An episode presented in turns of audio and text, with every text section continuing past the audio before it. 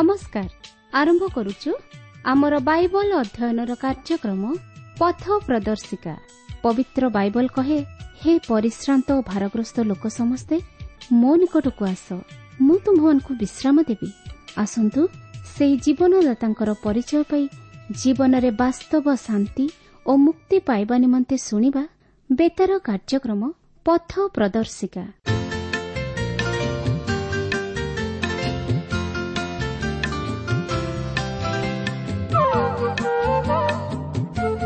ପ୍ରଭୁ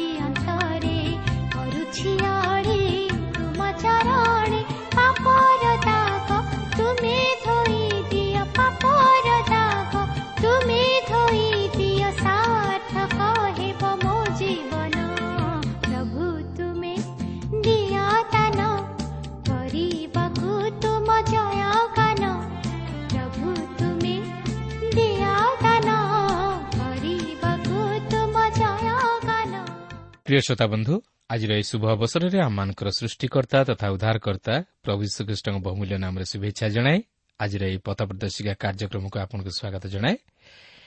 ଆପଣ ଆପଣଙ୍କର ବହୁମୂଲ୍ୟ ସମୟ ଦେଇ ଆଜିର ଏହି କାର୍ଯ୍ୟକ୍ରମରେ ଯୋଗ ଦେଇଥିବାରୁ ଆମେ ବିଶେଷ ଧନ୍ୟବାଦୀ। ପ୍ରଭୁ ଆପଣଙ୍କୁ ଆଶୀର୍ବାଦ କରନ୍ତୁ ଆହୁରି ଆହୁରି ଆତ୍ମିକ ଜୀବନରେ ବର୍ଦ୍ଧିଷ୍ଣୁ କରାନ୍ତୁ। ଆସନ୍ତୁ ପ୍ରଭୁଙ୍କର ବାକ୍ୟ ମଧ୍ୟକୁ ଯିବା ପୂର୍ବରୁ ସଂକ୍ଷେପରେ ପ୍ରାର୍ଥନା କରିବା। ତୁମର ପବିତ୍ର ନାମର ଧନ୍ୟବାଦ କରୁଅଛି ସୁନ୍ଦର ସମୟ ପାଇଁ ସୁନ୍ଦର ସୁଯୋଗ ପାଇଁ ତୁମର ଜୀବନ୍ତ ବାକ୍ୟ ପାଇଁ। ପ୍ରଭୁ ତୁମର ବାକ୍ୟ ମଧ୍ୟ ଦେଇ ତୁମେ ଆଜି ଆମମାନଙ୍କ ସହିତ କଥା କୁହ। ପ୍ରଭୁ ଯେପରି ଆମମାନେ ସେ ବାକ୍ୟକୁ ସରଳ ବିଶ୍ୱାସରେ ହୃଦୟରେ ଗ୍ରହଣ କରି ତଦନୁଯାୟୀ ଜୀବନଯାପନ କରିପାରିବୁ ସେଥିପାଇଁ ଆମମାନଙ୍କୁ ଶକ୍ତି ଦିଅ। ତୁମର ଆଶୀର୍ବାଦ ଏବଂ ଅନୁଗ୍ରହର ବାହୁଛାୟା ତଳେ ଆମମାନଙ୍କୁ ଆବରି ରଖ। ଯୀଶୁଙ୍କ ନାମରେ ମାଗୁଅଛୁ। ଆମେନ୍। ଆସନ୍ତୁ ବର୍ତ୍ତମାନ ଆମେ ପ୍ରଭୁଙ୍କ ବାକ୍ୟ ମଧ୍ୟକୁ ଯିବା ଆଜି ଆମେ ଦ୍ୱିତୀୟ ରାଜାବଳୀ ପୁସ୍ତକର ତିନି ପର୍ବଟିକୁ ଅଧ୍ୟୟନ କରିବା ନିମନ୍ତେ ଯିବା ତେବେ ଆପଣଙ୍କର ମନେଥିବ ଯେ ଗତ ପାଠରେ ଆମେ ଦେଖିଥିଲୁ ଇଲିସାୟ ଏଲିୟଙ୍କର ସେହି ସ୍ୱର୍ଗାରୋହଣର ଦୃଶ୍ୟକୁ ଦେଖିବା ପରେ ଏଲିୟଙ୍କର କହିବା ଅନୁଯାୟୀ ସେ ଏଲିୟଙ୍କ ଆତ୍ମାର ଦୁଇ ଗୁଣ ଅଂଶ ପ୍ରାପ୍ତ ହେଲେ ଓ ସେ ଏଲିୟଙ୍କର ଈଶ୍ୱରଙ୍କଠାରେ ବିଶ୍ୱାସ କରିବା ଦ୍ୱାରା ଏଲିୟଙ୍କ ପରି ତାହାଙ୍କ ଦ୍ୱାରା ମଧ୍ୟ ଈଶ୍ୱରଙ୍କ ଶକ୍ତିର କାର୍ଯ୍ୟ ସାଧିତ ହେଲା। କିନ୍ତୁ ଇଲିସାୟ ସେହି ଘଟଣା ପରେ ଯେତେବେଳେ ବୈଥଲକୁ ଗମନ କଲେ ସେତେବେଳେ ପଥ ମଧ୍ୟରେ କେତେକ କ୍ଷୁଦ୍ର ବାଳକ ନଗରରୁ ବାହାରି ଆସି ତାହାଙ୍କୁ ପରିହାସ କଲେ ଓ ଏଲିୟଙ୍କ ଘଟଣା ନେଇ ତାହାଙ୍କୁ ମଧ୍ୟ ସେହିପରି ଥଟ୍ଟା କରିବାକୁ ଲାଗିଲେ। ମାତ୍ର ଇଲିସାଏ ସେମାନଙ୍କୁ ଅଭିଶାପ ଦେବାରୁ ବନରୁ ଦୁଇ ଭଲ୍ଲୁକି ବାହାରି ଆସି ସେମାନଙ୍କ ମଧ୍ୟରୁ ବୟାଳିଶ ଜଣ ବାଳକଙ୍କୁ ବିଦୀର୍ଣ୍ଣ କଲେ। ମାତ୍ର ଇଲିସାଏ ସେଠାରୁ କର୍ମିଲ ପର୍ବତକୁ ଯାଇ ସେଠାରୁ ସମରିଆକୁ ଫେରିଗଲେ। କିନ୍ତୁ ଆଜି ଆମେ ଏହି ତିନି ପର୍ବରେ ଇଲିସାଏଙ୍କର ଆଉ କେତେକ ଆଶ୍ଚର୍ଯ୍ୟକର୍ମ ସମ୍ପର୍କରେ ଆଲୋଚନା କରିବାକୁ ଯିବା। କିନ୍ତୁ ଏହି ଅଧ୍ୟୟନ ତଥା ଆଲୋଚନା ସମୟରେ ଯଦି କୌଣସି ବିଷୟ ବୁଝିବା ନିମନ୍ତେ ଜଟିଳ ହୁଏ ତାହେଲେ ପତ୍ର ମାଧ୍ୟମରେ ତୁରନ୍ତ ଆମ ସହ ଯୋଗାଯୋଗ କଲେ। ଆମେ ତାହା ପତ୍ର ମାଧ୍ୟମରେ ଆପଣଙ୍କୁ ବୁଝାଇ ଦେବା ନିମନ୍ତେ ଚେଷ୍ଟା କରିବୁ। ତେବେ ଦେଖନ୍ତୁ ତିନି ପର୍ବର ପ୍ରଥମ ପଦରେ ଏହିପରି ଲେଖା ଅଛି ଜିହୁଦାର ରାଜା ଜିହୋସାପଟଙ୍କର ଅଧିକାରର ଅଠର ବର୍ଷରେ ଆହାବଙ୍କର ପୁତ୍ର ଜିହୋରାମ ସମରିଆରେ ଇସ୍ରାଏଲ୍ ଉପରେ ରାଜ୍ୟ କରିବାକୁ ଆରମ୍ଭ କରି ବାର ବର୍ଷ ରାଜ୍ୟ କଲେ। ତେବେ ଏଠାରେ ଆମେ ଯେଉଁ ଜିହୋରାମଙ୍କ ବିଷୟ ନେଇ ଲକ୍ଷ୍ୟ କରୁଅଛୁ ଏ ଜିହୋସାପଟଙ୍କ ପୁତ୍ର ଜିହୋରାମ ନୁହନ୍ତି ମାତ୍ର ଆହାବ ଓ ଇସେବଲର ପୁତ୍ର ଜିହୋରାମ ଓ ଏହି ଜିହୋରାମ ତାଙ୍କର ଭାଇ ଅହସ୍ୟଙ୍କ ପଦରେ ରହି ଇସ୍ରାଏଲ୍ ଉପରେ ରାଜ୍ୟ କଲେ। ସେ ସମରିଆରେ ଇସ୍ରାଏଲ୍ ଉପରେ ବାର ବର୍ଷ ରାଜ୍ୟ କଲେ।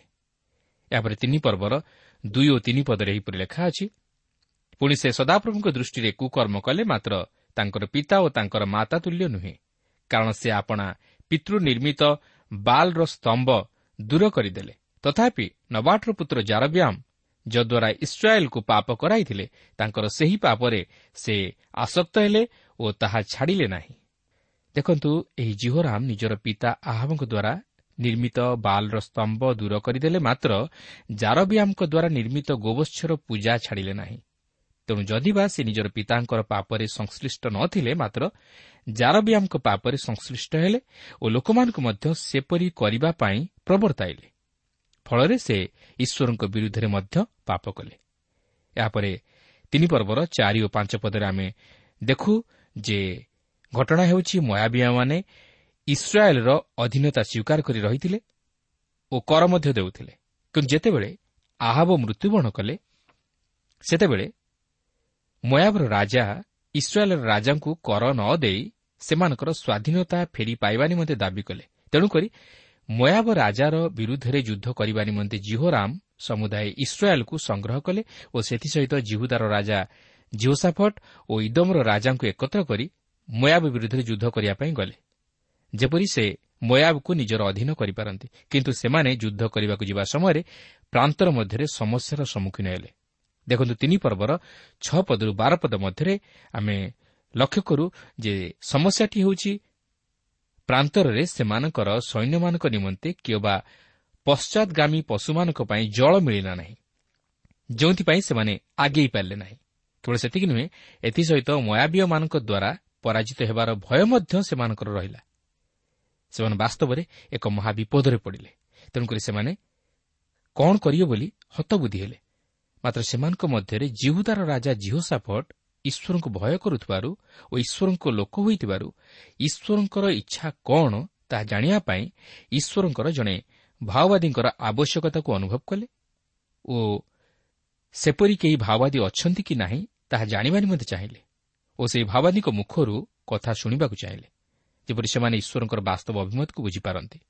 ଯେତେବେଳେ ସେମାନେ ଜାଣିଲେ ଯେ ଇଲିସାଏ ନାମକ ଈଶ୍ୱରଙ୍କର ଜଣେ ଭାଓବାଦୀ ଅଛନ୍ତି ସେତେବେଳେ ସେମାନେ ଅର୍ଥାତ୍ ତିନି ରାଜା ଇସ୍ରାଏଲ୍ର ଜୁହୁଦାର ଓ ଇଦୋମ୍ର ରାଜା ଏମାନେ ମିଶି ଇଲିସାଏ ଭାବାଦୀଙ୍କ ନିକଟକୁ ଗଲେ। ଇଲିସାଏଙ୍କ ଉତ୍ତର ମଧ୍ୟ ଇସ୍ରାଏଲ୍ର ରାଜାଙ୍କ ପ୍ରତି ଏକ କୌତୁହଳଜନକ ଥିଲା ଓ ଜିହୋରାମଙ୍କ ପ୍ରତି ତାହାଙ୍କ ମନର ଘୃଣାଭାବ ପ୍ରକାଶିତ କରୁଥିଲା। ସେ ଇସ୍ରାଏଲ୍ର ରାଜା ଜିହୋରାମଙ୍କ ହେତୁ ନୁହେଁ ମାତ୍ର ଜିହୁଦାର ରାଜା ଜିହୋସାଫଟଙ୍କ ହେତୁ ସେମାନଙ୍କର ଅନୁରୋଧକୁ ରକ୍ଷା କରି ସେମାନଙ୍କୁ ସାହାଯ୍ୟ କଲେ ଓ ଈଶ୍ୱରଙ୍କର ଅଭିମତ ସେମାନଙ୍କୁ ଜଣାଇଲେ ତିନି ପର୍ବର ତେର ପଦରୁ ଚଉଦ ପଦ ମଧ୍ୟରେ ଆମେ ଦେଖୁ ଯେ ଇଲିସାଏ ଇସ୍ରାଏଲ୍ର ରାଜା ଜିହୋରାମଙ୍କ ପ୍ରତି ସନ୍ତୁଷ୍ଟ ନ ଥିଲେ କି ତାହାଙ୍କୁ ମର୍ଯ୍ୟାଦା ଦେବାକୁ ଚାହିଁନଥିଲେ କାରଣ ଜିହୋରାମ ଈଶ୍ୱରଙ୍କ ବିରୁଦ୍ଧାଚରଣ କାର୍ଯ୍ୟ କରି ପାପ କରିଥିଲେ। କିନ୍ତୁ ସେ ଜିହୁଦାର ରାଜା ଜିହୋସାପଟଙ୍କ ସକାଶୁ ସେମାନଙ୍କ ପ୍ରତି ସାହାଯ୍ୟର ହସ୍ତ ବଢ଼ାଇଥିଲେ ଓ ସେମାନଙ୍କୁ ଈଶ୍ୱରଙ୍କର ଇଚ୍ଛା ଜଣାଇ ଦେଇଥିଲେ। ଏହାପରେ ପନ୍ଦରରୁ କୋଡ଼ିଏ ପଦ ମଧ୍ୟରେ ଆମେ ଦେଖୁ ଯେତେବେଳେ ସେମାନେ ଈଶ୍ୱରଙ୍କର ଅଭିମତ ଜାଣିବାକୁ ଚାହିଁଲେ ସେତେବେଳେ ଈଶ୍ୱର ଇଲିସାଏଙ୍କ ମୁଖ ଦ୍ୱାରା ତାହାଙ୍କର ଅଭିମତ ସେମାନଙ୍କୁ ଜଣାଇଲେ।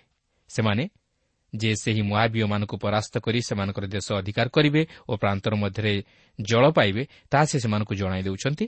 ଆଉ ସେହି ଜଳ ସେମାନେ ବିନା ମେଘ ଓ ବାୟୁରେ ପାଇବାକୁ ଯାଉଅଛନ୍ତି। ଇଲିସାଏ ସେମାନଙ୍କୁ କହନ୍ତି ସେହି ଉପତ୍ୟକାକୁ ଖାତରେ ପୂର୍ଣ୍ଣ କରିବା ପାଇଁ ଯେପରି ସେହିସବୁ ଜଳ ଧାରଣ କରିପାରେ।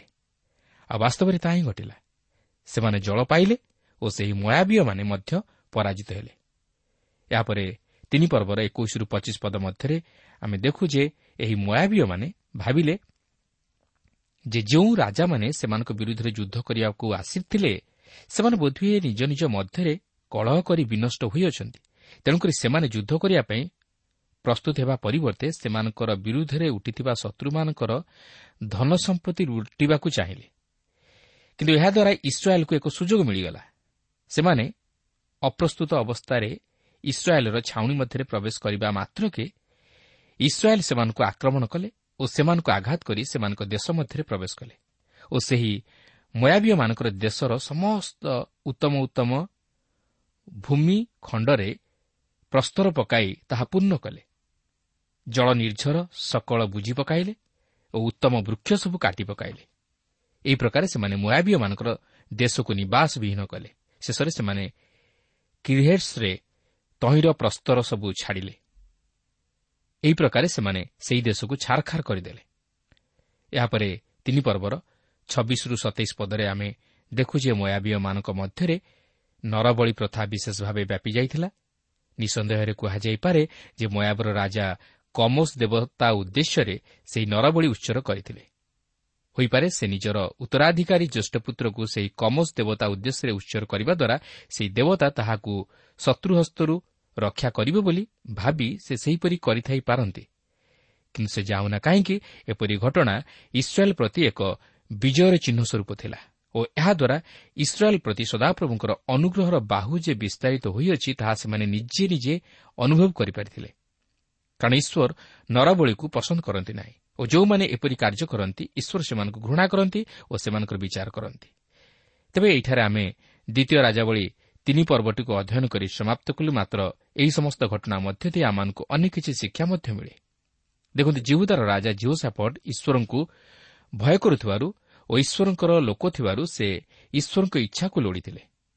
ସେ ଇସ୍ରାଏଲ୍ର ରାଜା ଜିହୋରାମଙ୍କ ସହିତ ମିଶି ମୋୟାବିୟ ମାନଙ୍କ ବିରୁଦ୍ଧରେ ଯୁଦ୍ଧ କରିବାକୁ ଯିବା ପୂର୍ବରୁ ଈଶ୍ୱରଙ୍କର ଇଚ୍ଛା କ'ଣ ତାହା ଜାଣିବା ପାଇଁ ଈଶ୍ୱରଙ୍କର ଜଣେ ଭବିଷ୍ୟତ ବକ୍ତାଙ୍କ ମୁଖରୁ ତହିଁର ସଠିକତା ଜାଣିବା ନିମନ୍ତେ ଚାହିଁଥିଲେ ଓ ସେହି ମାଓବାଦୀଙ୍କର ବାକ୍ୟରେ ବିଶ୍ୱାସ କରି ଯୁଦ୍ଧ କରିବାକୁ ଅଗ୍ରସର ହୋଇଥିଲେ। କାରଣ ଈଶ୍ୱର ଇଲିସାଏ ଭବିଷ୍ୟତ ବକ୍ତାଙ୍କ ମୁଖ ଦ୍ୱାରା ତହିଁର ସଫଳତା ନେଇ ପ୍ରକାଶ କରିଥିଲେ। ଓ ତଦନୁଯାୟୀ ମଧ୍ୟ ସମସ୍ତ ବିଷୟ ଘଟିଲା। ଜିହୁଦାର ରାଜା ଜିହୋସାପଟଙ୍କ ହେତୁ ସଦାପ୍ରଭୁ ଇସ୍ରାଏଲ୍କୁ ମୟାବୀୟମାନଙ୍କ ଉପରେ ଜୟ ପ୍ରଦାନ କଲେ କିନ୍ତୁ ଇସ୍ରାଏଲ୍ର ରାଜା ଜିହୋରାମ ହେତୁ ନୁହେଁ। ବାସ୍ତବରେ ଯେଉଁମାନେ ଈଶ୍ୱରଙ୍କ ଉପରେ ନିର୍ଭର କରନ୍ତି ଓ ଈଶ୍ୱରଙ୍କ ଇଚ୍ଛାକୁ ପ୍ରଥମ ସ୍ଥାନ ଦିଅନ୍ତି ସେମାନେ ଜୀବନର ପ୍ରତ୍ୟେକ କ୍ଷେତ୍ରରେ ସଫଳତା ଲାଭ କରନ୍ତି। ଈଶ୍ୱର ସେମାନଙ୍କର ସହିତ ରହି ସମସ୍ତ ବିଷୟରେ ସାହାଯ୍ୟ କରନ୍ତି। ପ୍ରିୟ ବନ୍ଧୁ ଆଜି ଆମେ କ'ଣ କୌଣସି କାର୍ଯ୍ୟ କରିବା ସମୟରେ ଈଶ୍ୱରଙ୍କର ଇଚ୍ଛା ଲୋଡ଼ି କାର୍ଯ୍ୟ କରୁ କି?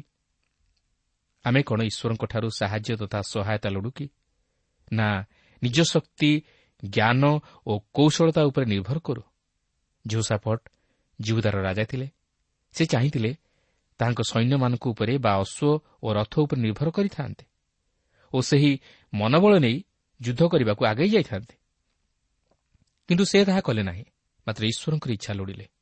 ତାହା ହେଉଛି ମନୁଷ୍ୟ ଜୀବନରେ ସବୁଠାରୁ ମହାନ ବିଷୟ। ସବୁକିଛି ଥାଇ ଯଦି ଆମେ ଈଶ୍ୱରଙ୍କ ଉପରେ ନିର୍ଭର କରୁ ତାହା ପ୍ରକୃତରେ ବାସ୍ତବ ନିର୍ଭରତା। କାରଣ ଅନେକ ସମୟରେ ଦେଖାଯାଏ ଯେ ଯେତେବେଳେ ଆମମାନଙ୍କ ପାଖରେ ଲୋକବଳ କିମ୍ବା ଅର୍ଥବଳ ବା ଜ୍ଞାନବଳ ହୋଇପାରେ ନିଜର ଶକ୍ତି ବା ସାମର୍ଥ୍ୟତାର ବଳ ଥାଏ ସେତେବେଳେ ଆମେ ଈଶ୍ୱରଙ୍କ ଉପରେ ନିର୍ଭର କରୁନା କି ଈଶ୍ୱରଙ୍କ ଇଚ୍ଛାକୁ ଲୋଡ଼ୁନା। ମାତ୍ର ନିଜର ମନ ମୁତାବକ କାର୍ଯ୍ୟ କରୁ କିନ୍ତୁ ଯେଉଁ ମୁହୂର୍ତ୍ତରେ ଆମେ ଅସହାୟ ହୋଇପଡ଼ୁ ଓ ଆମମାନଙ୍କର କୌଣସି ଉପାୟ ବା ସାହାରା ନ ଥାଏ ସେହି ସମୟରେ ଆମେ ଈଶ୍ୱରଙ୍କ ଉପରେ ନିର୍ଭର କରିଥାଉ କିମ୍ବା ଈଶ୍ୱରଙ୍କ ସାହାଯ୍ୟ ନେଇଥାଉ। ହଁ ତାହା କିଛି ଭୁଲ ନୁହେଁ କିନ୍ତୁ ଆମମାନଙ୍କର ସବୁକିଛି ଥାଇ ଯଦି ଆମେ ଈଶ୍ୱରଙ୍କ ଉପରେ ନିର୍ଭର କରୁ ଓ ଈଶ୍ୱରଙ୍କ ଇଚ୍ଛା ଲୋଡ଼ି କାର୍ଯ୍ୟ କରୁ ତାହେଲେ ତାହା ହେବ ବାସ୍ତବ ନିର୍ଭରତା ଓ ବାଧ୍ୟତା। କିନ୍ତୁ ଏଥି ନିମନ୍ତେ ବିଶ୍ୱାସ ଓ ଧୈର୍ଯ୍ୟର ଯଥେଷ୍ଟ ଆବଶ୍ୟକତା ରହିଅଛି। ଏହାପରେ ଆମେ ଦ୍ୱିତୀୟ ରାଜାବଳୀ ଚାରି ପର୍ବ ମଧ୍ୟକୁ ଯିବା।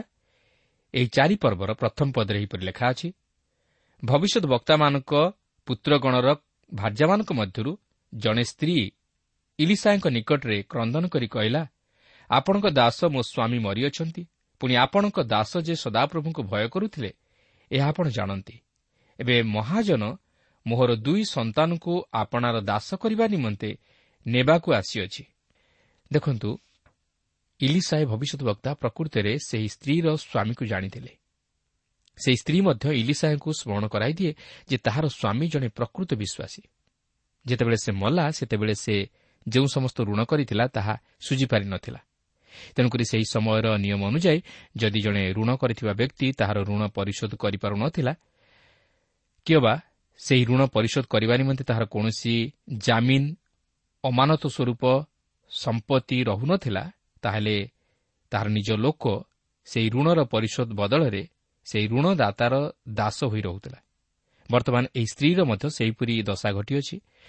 ତାହାର ସ୍ୱାମୀ ମରିଯିବାରୁ ଓ ସେହି ଋଣ ପରିଶୋଧ କରିବା ନିମନ୍ତେ ସେମାନଙ୍କର କିଛି ଅମାନତ ସମ୍ପତ୍ତି ନଥିବାରୁ ମହାଜନ ସେହି ସ୍ତ୍ରୀର ଦୁଇ ପୁତ୍ରଙ୍କୁ ତାହାର ଦାସ କରିବା ନିମନ୍ତେ ନେବାକୁ ଆସିଅଛି। କାରଣ ସେପରି କରିବା ନିମନ୍ତେ ମହାଜନର ଅଧିକାର ରହିଅଛି। ତାହେଲେ ଦେଖନ୍ତୁ ଇଲିସାଏ ବର୍ତ୍ତମାନ ସେହି ସ୍ତ୍ରୀକୁ କ'ଣ କହୁଅଛନ୍ତି? ଚାରିପର୍ବର ଦୁଇ ପଦ ଲେଖା ଅଛି। ତହିଁରେ ଇଲିସାଏ ତାହାକୁ କହିଲେ ମୁଁ ତୁମ ପାଇଁ କ'ଣ କରିବି? ମୋତେ କୁହ ଘରେ ତୁମର କ'ଣ ଅଛି? ଏଥିରେ ସେ କହିଲା ଏକ ପାତ୍ର ତୈଳ ଛଡ଼ା ଗୃହରେ ଆପଣଙ୍କ ଦାସୀର ଆଉ କିଛି ନାହିଁ। ଏହି ଗରିବ ପରିବାରର ଭାର ନେବା ଯେ ତାହାଙ୍କର ଦାୟିତ୍ୱ ଏହା ଇଲିସାଏ ବୁଝିପାରିଲେ। କାରଣ ମୂଷାଙ୍କ ବ୍ୟବସ୍ଥା ମଧ୍ୟ ତାହା କରିବା ନିମନ୍ତେ କହେ। ଅର୍ଥାତ୍ ବିଧବା ଓ ପିତୃହୀନ ସନ୍ତାନମାନଙ୍କର ଦାୟିତ୍ୱ ନେଇ ସେମାନଙ୍କର ଯତ୍ନ ତତ୍ତ୍ୱ ନେବା। ତେଣୁ ଇଲିସାଏ ମଧ୍ୟ ସେହି ଦରିଦ୍ର ବିଧବାକୁ ସାହାଯ୍ୟ କରିବାକୁ ଚାହିଁଲେ। ସେହି ସ୍ତ୍ରୀ ମୁଖରୁ ଏହି ପ୍ରକାର କଥା ଶୁଣି ଇଲିସାଏ ତାହାକୁ କେତେକ ବିଷୟ ସାଧନ କରିବାକୁ କହନ୍ତି ଯେପରି ସେହି ସ୍ତ୍ରୀ ସେହି ଋଣ ପରିଶୋଧ କରିବା ନିମନ୍ତେ ସକ୍ଷମ ହୋଇପାରେ ଯାହାକି ତିନି ପଦରୁ ସାତ ପଦ ମଧ୍ୟରେ ବର୍ଣ୍ଣିତ ହୋଇଅଛି। ଦେଖନ୍ତୁ ଏକ ପାତ୍ର ତୈଳ ବ୍ୟତୀତ ସେହି ସ୍ତ୍ରୀର ଆଉ କିଛି ନଥିଲା। ହୋଇପାରେ ପ୍ରତିଦିନର ଆବଶ୍ୟକତା ଅନୁଯାୟୀ ସେହି ପାତ୍ରରେ ତୈଳ ଥିଲା। ଅର୍ଥାତ୍ ଦିନକ ପାଇଁ ଯେତିକି ତୈଳ ଆବଶ୍ୟକ ହେଉଥିଲା ସେତିକି ତୈଳ ଥିଲା କିନ୍ତୁ ଇଲିସାଏ ତାହାକୁ କହୁଛନ୍ତି ଯାଅ ପ୍ରତିବାସୀଠାରୁ ଶୂନ୍ୟ ପାତ୍ର ସବୁ ଆଣି ସେହିସବୁ ପାତ୍ରରେ ତୈଳ ଅଜାଡ଼। ସେ ଆହୁରି କହନ୍ତି ଦେଖ ତୁମେ ଅଳ୍ପ କେତୋଟି ଶୂନ୍ୟ ପାତ୍ର ଆଣ ନାହିଁ ମାତ୍ର ଯେତେ ପାରୁଛ ଆଣ ଓ ଆପଣାର ଓ ଆପଣା ପୁତ୍ରମାନଙ୍କ ପଛେ ଦ୍ୱାର ବନ୍ଦ କରି ସେସବୁ ପାତ୍ରରେ ତୈଳ ଅଜାଡ଼। ଆଉ ଯେଉଁ ପାତ୍ର ପୂର୍ଣ୍ଣ ହୁଏ ତାହା ଅଲଗା କରି ରଖ। ଚିନ୍ତା କରନ୍ତୁ। ଏହା କ'ଣ ଏକ ଆଶ୍ଚର୍ଯ୍ୟର ବିଷୟ ନୁହେଁ କି? ଆପଣ ଓ ମୁଁ ଆମକୁ ଯଦି କିଏ ସେପରି କରିବାକୁ କହିଥାନ୍ତା ତାହେଲେ ଆମେ କ'ଣ ସହଜରେ ତାହା କରିବା ନିମନ୍ତେ ଆଗ ବଢ଼ିଥାନ୍ତୁ କି? ଆମେ ନିଶ୍ଚୟ ଅବିଶ୍ୱାସ କରିଥାନ୍ତୁ ଅଥବା ସନ୍ଦେହ କରିଥାନ୍ତୁ। ମାତ୍ର ଲକ୍ଷ୍ୟ କରନ୍ତୁ ସେହି ସ୍ତ୍ରୀର ବିଶ୍ୱାସ। ସେ ଇଲିସାଙ୍କୁ କୌଣସି ପ୍ରଶ୍ନ ବା ପ୍ରତ୍ୟୁତ୍ତର ନ ଦେଇ ଇଲିସାଙ୍କର କହିବା ଅନୁଯାୟୀ କାର୍ଯ୍ୟ କରୁଅଛି। ଇଲିସାଙ୍କର କଥା ଅନୁଯାୟୀ ମଧ୍ୟ ତାହା ଘଟୁଅଛି। ଏପରିକି ତାହା ପାଖରେ ଆଉ କୌଣସି ଶୂନ୍ୟ ପାତ୍ର ମଧ୍ୟ ରହିଲା ନାହିଁ। ଏହାପରେ ସେହି ତୈଳ ବନ୍ଦ ହେଲା। ଏହା କ'ଣ ଇଲିସାଙ୍କର ଏକ ମହାନ ଆଶ୍ଚର୍ଯ୍ୟକର୍ମ ନୁହେଁ କି? ଈଶ୍ୱର ଇଲିସାଙ୍କ ମାଧ୍ୟମରେ ତାହାଙ୍କର ଅଲୌକିକ କାର୍ଯ୍ୟ ସାଧନ କଲେ। ଏହା ଏଲିୟଙ୍କର ସମୟରେ ସେହି ସାରିଫତ୍ର ବିଧବାର ଗୃହରେ ପାତ୍ରରେ ତୈଳର ଅଭାବ ନ ହେବାର ଆଶ୍ଚର୍ଯ୍ୟକର୍ମଠାରୁ ଅଧିକ ମହାନ ଆଶ୍ଚର୍ଯ୍ୟକର୍ମ ଥିଲା। ସେହି ସ୍ତ୍ରୀର କେବଳ ଅଭାବ ମୋଚନ ହେଲା ନାହିଁ। ମାତ୍ର ଏଥିସହିତ ସେ ସେହି ଋଣ ମଧ୍ୟ ସେହି ତୈଳ ବିକ୍ରୟ କରି ପରିଶୋଧ କଲା। ବାସ୍ତବରେ ଏହି ଘଟଣାଟି ଅତି ଆଶ୍ଚର୍ଯ୍ୟ ଘଟଣା ପରି ମନେ ହୁଏ। ମାତ୍ର ଈଶ୍ୱରଙ୍କ ନିକଟରେ ସମସ୍ତ ହିଁ ସମ୍ଭବ। ତେବେ ମୁଁ କହୁନାହିଁ ଯେ ଆମେ ସେହିପରି ଆଶ୍ଚର୍ଯ୍ୟ କର୍ମକୁ ଦୃଷ୍ଟି ଆଗରେ ରଖି ଈଶ୍ୱରଙ୍କୁ ପରୀକ୍ଷା କରିବା। ଈଶ୍ୱର ଆଜି ମଧ୍ୟ ଚାହିଁଲେ ତାହା ସାଧନ କରିପାରିବେ। କିନ୍ତୁ ସେ ତାହାଙ୍କର ବାକ୍ୟରେ ଏହି ସମସ୍ତ ଆଶ୍ଚର୍ଯ୍ୟ ଘଟଣାକୁ ପ୍ରକାଶ କରିବାର ଉଦ୍ଦେଶ୍ୟ ହେଉଛି ଯେ ସେହି ସମସ୍ତ ଘଟଣାକୁ ଆମମାନଙ୍କ ନିମନ୍ତେ ଏକ ଚିହ୍ନ ସ୍ୱରୂପେ ବ୍ୟବହାର କରିଅଛନ୍ତି ଯେପରି ଆମେ ସେହି ସମସ୍ତ ଘଟଣା ମଧ୍ୟ ଦେଇ ସତ୍ୟ ଈଶ୍ୱରଙ୍କୁ ଜାଣିପାରୁ ଓ ତାହାଙ୍କର ଆଶ୍ଚର୍ଯ୍ୟ ଶକ୍ତିକୁ ଉପଲବ୍ଧି କରିପାରୁ ଓ ତାହାଙ୍କଠାରେ ବିଶ୍ୱାସ କରି ତାହାଙ୍କର ଗୌରବ ଓ ମହିମା ପ୍ରକାଶ କରୁ। କିନ୍ତୁ ସେହିପରି ଘଟଣା ବର୍ତ୍ତମାନ କାହିଁକି ଘଟୁନାହିଁ ବୋଲି ପ୍ରଶ୍ନ କରିବା ଉଚିତ ନୁହେଁ? କି ଈଶ୍ୱରଙ୍କୁ ସେହିପରି ପରୀକ୍ଷା କରିବା ଉଚିତ ନୁହେଁ। ଈଶ୍ୱର ଚାହିଁଲେ ତାହାଠାରୁ ଅଧିକ ଆଶ୍ଚର୍ଯ୍ୟ କର୍ମ ଆମମାନଙ୍କ ଜୀବନରେ ସାଧନ କରିପାରିବେ। କିନ୍ତୁ ଏହି ସମସ୍ତ ବିଷୟ ଆମମାନଙ୍କ ନିକଟରେ ପ୍ରକାଶ କରାଯାଇଅଛି ଯେପରି ଆମେ ତାହା ଦେଖି ଈଶ୍ୱରଙ୍କଠାରେ ବିଶ୍ୱାସ କରୁ ମାତ୍ର ଈଶ୍ୱରଙ୍କୁ ପରୀକ୍ଷା ନ କରୁ। କାରଣ ପ୍ରତ୍ୟେକଙ୍କର ଜୀବନରେ ଈଶ୍ୱରଙ୍କର କିଛି ନା କିଛି ମହତ୍ଵ ଉଦ୍ଦେଶ୍ୟ ରହିଅଛି। ଏହାପରେ ଆମେ ଆଉ ଜଣେ ଧନବତୀ ସ୍ତ୍ରୀଙ୍କ ବିଷୟ ନେଇ ଲକ୍ଷ୍ୟ କରିବାକୁ ଯିବା ଯେ କି ଇଲିସାଏ ଭବିଷ୍ୟତ ବକ୍ତାଙ୍କ ନିମନ୍ତେ ତାହାଙ୍କର ଗୃହ ମଧ୍ୟରେ ଏକ ସାନ କୋଠରୀଟିଏ ନିର୍ମାଣ କରି ତାହାଙ୍କର ସେ ସ୍ଥାନରେ ରହଣି ନିମନ୍ତେ ଏକ ସୁବନ୍ଦୋବସ୍ତ କରିଥିଲେ। ଦେଖନ୍ତୁ ଚାରିପର୍ବର ଆଠ ପଦରୁ ଦଶ ପଦ ମଧ୍ୟରେ ଏହିପରି ଲେଖା ଅଛି। ଅନନ୍ତର ଦିନକରେ ଇଲିସାଏ ସୁନେମକୁ ଗଲେ ସେଠାରେ ଏକ ଧନବତୀ ସ୍ତ୍ରୀ ଥିଲା ଆଉ ସେ ଇଲିସାଙ୍କୁ ଅନ୍ନଭୋଜନ ନିମନ୍ତେ ବଳାଇଲା। ଏଉତାରେ ଇଲିସାଏ ଯେତେ ଥର ସେହି ପଥ ଦେଇ ଗଲେ ସେତେ ଥର ଅନ୍ନଭୋଜନ ନିମନ୍ତେ ସେଠାକୁ ଗଲେ। ଅନନ୍ତର ସେ ସ୍ତ୍ରୀ ଆପଣା ସ୍ୱାମୀକୁ କହିଲା ଦେଖ ମୁଁ ବୋଧ କରୁଅଛି ଏହି ଯେ ଲୋକ ନିତ୍ୟ ଆମମାନଙ୍କ ନିକଟ ଦେଇ ଗତାୟତ କରୁଅଛନ୍ତି ସେ ପରମେଶ୍ୱରଙ୍କର ଏକ ପବିତ୍ର ଲୋକ। ମୁଁ ବିନୟ କରୁଅଛି ଆମେମାନେ ପ୍ରାଚୀର ଉପରେ ଗୋଟିଏ ସାନ କୋଠରୀ ନିର୍ମାଣ କରୁ ଓ ତହିଁରେ ତାଙ୍କ ପାଇଁ ଗୋଟିଏ ଖଟ ଓ ମେଜ ଓ ଆସନ ଓ ଦୀପରୁଖା ରଖୁ। ତହୁଁ ସେ ଆମମାନଙ୍କ ନିକଟକୁ ଆସିବା ବେଳେ ସେଠାରେ ରହିବେ। ବାସ୍ତବରେ ଏହି ଧନବତୀ ସ୍ତ୍ରୀର ଇଲିସାଙ୍କ ପ୍ରତି ଅର୍ଥାତ୍ ଈଶ୍ୱରଙ୍କ ଲୋକ ପ୍ରତି ଅତି ଗଭୀର ଭକ୍ତି ଆଦର ତଥା ସମ୍ମାନ ରହିଥିଲା। ଇଲିସାଇ ଯେତେବେଳେ ସେହି ନଗର ଦେଇ ଅତିକ୍ରମ କରୁଥିଲେ ସେ ସେହି ସ୍ତ୍ରୀର ଗୃହରେ ରହୁଥିଲେ। ଏହିପରି ରହିବା ମଧ୍ୟରେ ଦିନେ ସେ ସେହି ସ୍ତ୍ରୀକୁ ତାହାର ଏହି କର୍ମ ସକାଶେ ତାହାକୁ ପୁରସ୍କାର ଦେବାକୁ ଚାହିଁଲେ। ତେଣୁକରି ସେହି ସ୍ତ୍ରୀର ଯେଉଁ ବିଷୟଟି ଅଭାବ ଥିଲା ତାହା ସେ ପୂରଣ କଲେ। ସେ ସେହି ସ୍ତ୍ରୀର କୋଳରେ ଏକ ପୁତ୍ର ସନ୍ତାନ ଦେଇ ତାହାକୁ ଆଶୀର୍ବାଦ କଲେ। ଯାହାକି ଆମେ ଏହି ଚାରି ପର୍ବର ଏଗାର ପଦରୁ ସତର ପଦ ମଧ୍ୟରେ ଲକ୍ଷ୍ୟ କରିବାକୁ ପାରୁ।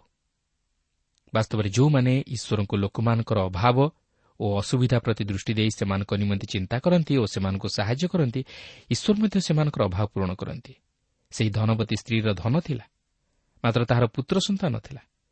କିନ୍ତୁ ସେ ଯେତେବେଳେ ଈଶ୍ୱରଙ୍କ ଲୋକ ଇଲିସାଏଙ୍କ ପ୍ରତି ଦୟାଭାବ ଦେଖାଇଲା ଓ ତାହାଙ୍କ ନିମନ୍ତେ ଚିନ୍ତା କରି ତାହାଙ୍କୁ ସାହାଯ୍ୟ କଲା ସେତେବେଳେ ସେ ଈଶ୍ୱରଙ୍କ ଲୋକଙ୍କ ଦ୍ୱାରା ଈଶ୍ୱରଙ୍କ ଆଶୀର୍ବାଦର ଅଧିକାରୀ ହେଲା। ଈଶ୍ୱର ମଧ୍ୟ ତାହାର ଅଭାବ ମୋଚନ କଲେ।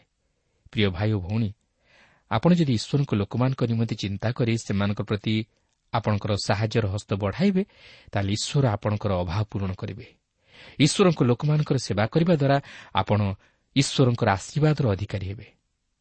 ଏହାପରେ ଦ୍ୱିତୀୟ ରାଜାବଳୀ ଚାରିପର୍ବର ଅଠର ପଦରୁ ସଇଁତିରିଶ ପଦ ମଧ୍ୟରେ ଆମେ ଇଲିସାଙ୍କର ଆଉ ଏକ ଆଶ୍ଚର୍ଯ୍ୟ କର୍ମକୁ ଲକ୍ଷ୍ୟ କରୁ ଯାହାକି ସେ ସେହି ସୁନେମିଆର ମୃତ ପୁତ୍ରକୁ ବଞ୍ଚାଇଲେ। କାରଣ ଅନେକ ବର୍ଷ ପରେ ଯେତେବେଳେ ସୁନେମିଆର ସେହି ପୁତ୍ର ବଡ଼ ହେବା ପରେ ମରିଗଲା ଇଲିସାଏ ସେହି ପୁତ୍ରକୁ ମୃତ୍ୟୁରୁ ବଞ୍ଚାଇଲେ। ସେ ମଧ୍ୟ ଏଲିଓଙ୍କ ପରି ଉପାୟ ଅବଲମ୍ବନ କରି ସେହି ମୃତ ପୁତ୍ରକୁ ଜୀବିତ କରାଇଲେ। ତାହା ହେଉଛି ସେହି ପୁତ୍ର ସହିତ ବ୍ୟକ୍ତିଗତ ସଂଯୋଗ ଯାହାକି ସେହି ମୃତ ପୁତ୍ରକୁ ଜୀବନ ଦେଇଥିଲା। ପ୍ରଥମ ରାଜାବଳୀ ସତର ପର୍ବରେ ଆମେ ଦେଖିସାରିଛୁ ଏଲିଓ ଯେପରି ସେହି ସାରିପତ୍ର ବିଧବାର ପୁତ୍ରକୁ ମୃତ୍ୟୁରୁ ବଞ୍ଚାଇବାକୁ ଯାଇ ତାହା ଉପରେ ଆପଣଙ୍କୁ ଲମ୍ବାଇଲେ ଓ ସେହି ପୁତ୍ର ବଞ୍ଚିଲା ସେହିପରି ଇଲିସାଇ ମଧ୍ୟ ଏଠାରେ ସୁନିମିଆର ସେହି ପୁତ୍ରକୁ ମୃତ୍ୟୁରୁ ବଞ୍ଚାଇଲେ। କିନ୍ତୁ ଏଠାରେ ଏକ ମହାନ ଶିକ୍ଷାର ବିଷୟ ହେଉଛି ଯେ ଯେତେବେଳେ ଆମେ ପାପ ଓ ଅଧର୍ମରେ ଆତ୍ମିକ ଭାବରେ ମୃତ୍ୟୁଭୋଗ କରୁ ସେତେବେଳେ ଖ୍ରୀଷ୍ଟଙ୍କ ସହିତ ଆମମାନଙ୍କର ବ୍ୟକ୍ତିଗତ ସଂଯୋଗ ବା ଯୋଗାଯୋଗ ଆମମାନଙ୍କୁ ଜୀବନ ପ୍ରଦାନ କରେ। କାରଣ ସେହି ପ୍ରଭୁ ଶ୍ରୀଖ୍ରୀଷ୍ଟ ଆମମାନଙ୍କର ସମସ୍ତ ପାପ ନିମନ୍ତେ ସେହି କୃଷିରେ ମୃତ୍ୟୁଭୋଗ କଲେ ଓ ପୁନର୍ବାର ମୃତ୍ୟୁରୁ ତୃତୀୟ ଦିନରେ ଉତ୍ଥାପନ କରି ଆମମାନଙ୍କ ନିମନ୍ତେ ଧାର୍ମିକତା ସ୍ୱରୂପ ହେଲେ। ସେ ହିଁ କେବଳ ଆମମାନଙ୍କୁ ଜୀବନ ଦେଇପାରନ୍ତି ଓ ଆମମାନଙ୍କୁ ପାପରୁ ଉଦ୍ଧାର କରି ସେ ଅନନ୍ତ ଜୀବନର ଅଧିକାରୀ କରାଇପାରନ୍ତି କାରଣ ସେ ହେଉଛନ୍ତି ଅନନ୍ତ ଜୀବନ ଓ ତାହାଙ୍କଠାରେ ଆମମାନଙ୍କର ଜୀବନ ଅଛି। ପ୍ରିୟ ବନ୍ଧୁ ପ୍ରଭୁ ସେ ନିଜେ କହନ୍ତି ମୁଁ ସେହି ଜୀବନଦାୟକ ହାର ତେଣୁ ଯେପର୍ଯ୍ୟନ୍ତ ଆମେ ଖ୍ରୀଷ୍ଟଙ୍କ ସହିତ ସଂଯୁକ୍ତ ହୋଇନାହୁଁ କି ତାହାଙ୍କୁ ଆମ ହୃଦୟରେ ଉଦ୍ଧାରକର୍ତ୍ତା ରୂପେ ଗ୍ରହଣ କରିନାହୁଁ ସେ ପର୍ଯ୍ୟନ୍ତ ଆମେ ଜୀବନ ପାଇବା ନାହିଁ। ଆମମାନେ ସେହିପରି ପାପରେ ମୃତ ହୋଇ ରହିଥିବା। କାରଣ ଆମେ ଜାଣୁ ସୃଷ୍ଟିର ପ୍ରଥମ ମନୁଷ୍ୟ ଆଦମ ହବା ଈଶ୍ୱରଙ୍କ ଆଜ୍ଞା ଲଙ୍ଘନ କରି ପାପରେ ପତିତ ହେବା ଦ୍ୱାରା ସେମାନେ ଈଶ୍ୱରଙ୍କ ସହଭାଗିତାରୁ ବଞ୍ଚିତ ହୋଇ ଆତ୍ମିକ ଜୀବନରେ ମୃତ ହେଲେ। ଏହିପରି ଭାବେ ପାପ ସମଗ୍ର ଜଗତରେ ପ୍ରବେଶ କଲା ଓ ପ୍ରତ୍ୟେକ ମନୁଷ୍ୟ ପାପ କରି ଈଶ୍ୱରଙ୍କ ମହିମାରୁ ବଞ୍ଚିତ ହେଲେ। କିନ୍ତୁ ଈଶ୍ୱର ତାଙ୍କର ସୃଷ୍ଟ ମନୁଷ୍ୟମାନଙ୍କୁ ପ୍ରେମ କରି ସେମାନଙ୍କ ନିମନ୍ତେ ତାଙ୍କର ପ୍ରିୟ ପୁତ୍ର ପ୍ରଭୁ ଶ୍ରୀଖ୍ରୀଷ୍ଟଙ୍କୁ ପଠାଇ ଉଦ୍ଧାର ସାଧନ କଲେ। ଯେପରି ମନୁଷ୍ୟ ସେହି ପ୍ରଭୁ ଶ୍ରୀଖ୍ରୀଷ୍ଟଙ୍କଠାରେ ବିଶ୍ୱାସ କରି ପାପରୁ ଉଦ୍ଧାର ପାଇ ଅନନ୍ତ ଜୀବନ ଅଧିକାରୀ ହୁଏ। ତେଣୁ ଆସୁ ସେହି ଖ୍ରୀଷ୍ଟଙ୍କଠାରେ ବିଶ୍ୱାସ କରି ସେହି ଅନନ୍ତ ଜୀବନ ଅଧିକାରୀ ହେଉ। ଏହାପରେ ଚାରିପର୍ବର ଅଠତିରିଶରୁ ଏକଚାଳିଶ ପଦରେ ଆମେ ଇଲିସାଙ୍କର ଆଉ ଏକ ଆଶ୍ଚର୍ଯ୍ୟ କର୍ମକୁ ଲକ୍ଷ୍ୟ କରିବାକୁ ପାରୁ। ଏହି ଅଂଶରେ ଏହା ହେଉଛି ଇଲିସାଙ୍କର ଚତୁର୍ଥ ଆଶ୍ଚର୍ଯ୍ୟକର୍ମ ଯାହାକି ଭବିଷ୍ୟତ ବକ୍ତାମାନଙ୍କର ପୁତ୍ରମାନଙ୍କର ଆହାର ବିଷୟ ନେଇ ଜଡ଼ିତ ଯେଉଁମାନେ କି ପ୍ରକୃତିରେ ଇଲିସାଙ୍କର ଛାତ୍ର ସ୍ୱରୂପ ଥିଲେ ତେବେ ଏହି ସମୟ ଏକ ଦୁର୍ଭିକ୍ଷର ସମୟ ଥିଲା। ସେମାନଙ୍କ ମଧ୍ୟରୁ ଜଣେ ଶାକ ସଂଗ୍ରହ କରିବା ପାଇଁ କ୍ଷେତ୍ରକୁ ଯାଇ ବନ୍ୟଲତା ପାଇ ତହିଁର ଫଳରେ ଅଣ୍ଟି ପୂର୍ଣ୍ଣ କରି ଆସି ତାହା ଖଣ୍ଡ ଖଣ୍ଡ କାଟି ବ୍ୟଞ୍ଜନ ହଣ୍ଡାରେ ପକାଇଲା କାରଣ ସେମାନେ ତାହା ଚିହ୍ନିଲେ ନାହିଁ। ପୁଣି ଲୋକମାନେ ସେହି ବ୍ୟଞ୍ଜନ ଭୋଜନ କରୁ କରୁ ଡାକ ପକାଇ କହିଲେ ହେ ପରମେଶ୍ୱରଙ୍କ ଲୋକ ହଣ୍ଡାରେ ମୃତ୍ୟୁ ଅଛି। ଆଉ ସେମାନେ ତହିଁରୁ ଭୋଜନ କରିପାରିଲେ ନାହିଁ। କିନ୍ତୁ ଇଲିସାଏ ସେହି ହଣ୍ଡାରେ କିଛି ମଇଦା ପକାଇ ସେହି ବ୍ୟଞ୍ଜନକୁ ଭୋଜନ ଉପଯୋଗୀ କରାଇଲେ ଯଦ୍ୱାରା ଲୋକମାନେ ତାହା ଭୋଜନ କଲେ। କାରଣ ତଦ୍ୱାରା ହଣ୍ଡାରେ କିଛି ମନ୍ଦ ରହିଲା ନାହିଁ। ଏହାପରେ ଚାରିପର୍ବର ବୟାଳିଶରୁ ଚଉରାଳିଶ ପଦରେ ଆମେ ଇଲିସାଙ୍କର ପଞ୍ଚମ ଆଶ୍ଚର୍ଯ୍ୟକର୍ମ ଲକ୍ଷ୍ୟ କରିବାକୁ ପାରୁ। ଦେଖନ୍ତୁ ଜଣେ ବ୍ୟକ୍ତି ସେ ମୂଷାଙ୍କ ବ୍ୟବସ୍ଥାକୁ ପାଳନ କରିବାକୁ ଚେଷ୍ଟା କରି ତାହାର ଶସ୍ୟ ଅମଳର ପ୍ରଥମ ଫଳ ଆଣି ଭାଓବାଦୀମାନଙ୍କର ପୁତ୍ରମାନଙ୍କ ନିକଟରେ ଉତ୍ସର କଲା ଯେହେତୁ ଜାରବିୟାମ ଦେଶ ମଧ୍ୟରୁ ସମସ୍ତ ଲେବୀୟ ଯାଜକମାନଙ୍କୁ ଉଚ୍ଛିନ୍ନ କରିଥିଲେ। କିନ୍ତୁ ଏହା ଅଳ୍ପ ପରିମାଣରେ ଥିବାରୁ ଇଲିସାଙ୍କ ଦାସ ଗିହେଜି ଶହେ ଜଣ ଲୋକଙ୍କ ଆଗରେ ତାହା ପରିବେଷଣ କରିବାକୁ କୁଣ୍ଠାବୋଧ କଲେ। କିନ୍ତୁ ଇଲିସାଏ କହନ୍ତି ଲୋକମାନଙ୍କୁ ଦିଅ ସେମାନେ ଭୋଜନ କରନ୍ତୁ। କାରଣ ସଦାପ୍ରଭୁ ଏହା କହନ୍ତି ସେମାନେ ଭୋଜନ କରିବେ ଓ ତହିଁରୁ ଉଚ୍ଛିଷ୍ଟ ରଖିବେ। ବାସ୍ତବରେ ଏହା କ'ଣ ଏକ ଆଶ୍ଚର୍ଯ୍ୟର ବିଷୟ ନୁହେଁ କି? ମାତ୍ର ଏହା ଇଲିସାଙ୍କ ଦ୍ୱାରା ସାଧିତ ହୋଇଥିଲା। ଈଶ୍ୱର ଇଲିସାଏ ଭବିଷ୍ୟତ ବକ୍ତାଙ୍କ ଦ୍ୱାରା ସେହି ଅଲୌକିକ କାର୍ଯ୍ୟ ସାଧନ କଲେ। ସେମାନେ ଭୋଜନ କଲେ ଓ ସଦାପ୍ରଭୁଙ୍କ ବାକ୍ୟାନୁସାରେ ସେମାନେ ଉଚ୍ଛିଷ୍ଟ ରଖିଲେ। ଏହି ଘଟଣା ଆମମାନଙ୍କୁ ପ୍ରଭୁ ଯୀଶୁଖ୍ରୀଷ୍ଟଙ୍କର ସେହି ଅଳ୍ପ କେତୋଟି ରୋଟି ଓ ମାଛ ଦ୍ୱାରା ଚାରି ହଜାର ଓ ପାଞ୍ଚ ହଜାର ଲୋକଙ୍କୁ ଖୁଆଇ ପରିତୃପ୍ତ କରାଇବାର ଆଶ୍ଚର୍ଯ୍ୟ କର୍ମଗୁଡ଼ିକୁ ସ୍ମରଣ କରାଇଦିଏ। ବାସ୍ତବରେ ପ୍ରଭୁ ଯୀଶୁ କେବଳ ଆମମାନଙ୍କର ଆତ୍ମିକ କ୍ଷୁଦାକୁ ମୋଚନ କରନ୍ତି ନାହିଁ ସେ ମଧ୍ୟ ଆମମାନଙ୍କର ଶାରୀରିକ କ୍ଷୁଦାକୁ ମଧ୍ୟ ମୋଚନ କରନ୍ତି। ସେହି ପ୍ରଭୁ ଯୀଶୁ ଆଜି ମଧ୍ୟ ଜୀବିତ ଓ ସେ ଆଜି ମଧ୍ୟ ଆମମାନଙ୍କୁ ଉଦ୍ଧାର କରନ୍ତି ଓ ସେ ଆଜି ମଧ୍ୟ ଆମମାନଙ୍କର ଅଭାବ ମୋଚନ କରନ୍ତି। କିନ୍ତୁ ଆମେ ତାହାଙ୍କୁ ଜାଣିପାରୁନା। ମାତ୍ର ସେ ଆମମାନଙ୍କର ସଙ୍ଗେ ସଙ୍ଗେ ଥାଇ ଆମମାନଙ୍କୁ ସୁରକ୍ଷା ପ୍ରଦାନ କରନ୍ତି।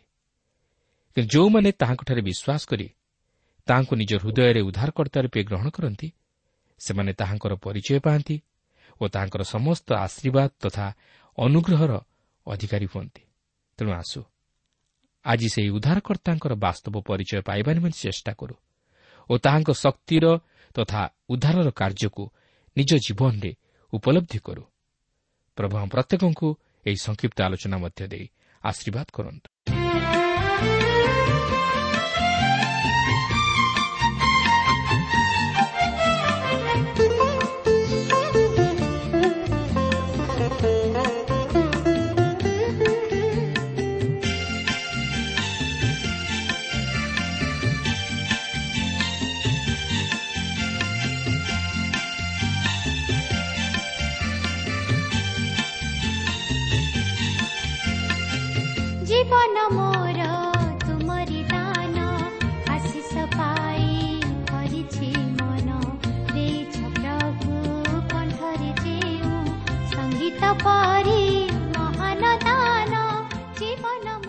ଶ୍ରୋତା ଆପଣ ଈଶ୍ୱରଙ୍କ ବାକ୍ୟ ଶୁଣିବା ନିମନ୍ତେ ସମୟ ଦେଇଥିବାରୁ ଆମେ ଧନ୍ୟବାଦୀ। ଆପଣ ଯଦି ପ୍ରଭୁ ଯୀଶୁଙ୍କର ବାକ୍ୟ ବିଷୟରେ ଓ ତାହାଙ୍କର ପ୍ରେମ ବିଷୟରେ ଅଧିକ ଜାଣିବାକୁ ଚାହାନ୍ତି ଯାହାକି ଆପଣଙ୍କୁ ପାପରୁ ଉଦ୍ଧାର ପାଇବା ନିମନ୍ତେ ପଥ ଦେଖାଇବ ତାହେଲେ ଆମ ସହିତ ପତ୍ର ମାଧ୍ୟମରେ ଅଥବା ଟେଲିଫୋନ୍ ଯୋଗେ ଯୋଗାଯୋଗ କରନ୍ତୁ।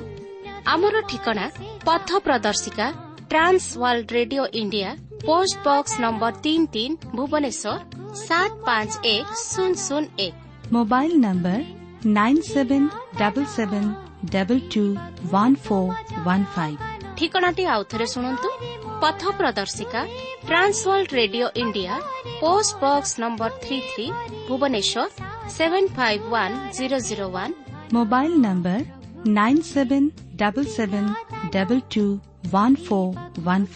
আমার ইমেল আড্রেস টি লিখি রাখন্তু Odia TTV at radio eight eight two dot com তেবে আজি পাই এইখানে রখুছু প্রভু যীশু আপনকো আশীর্বাদ করন্তু নমস্কার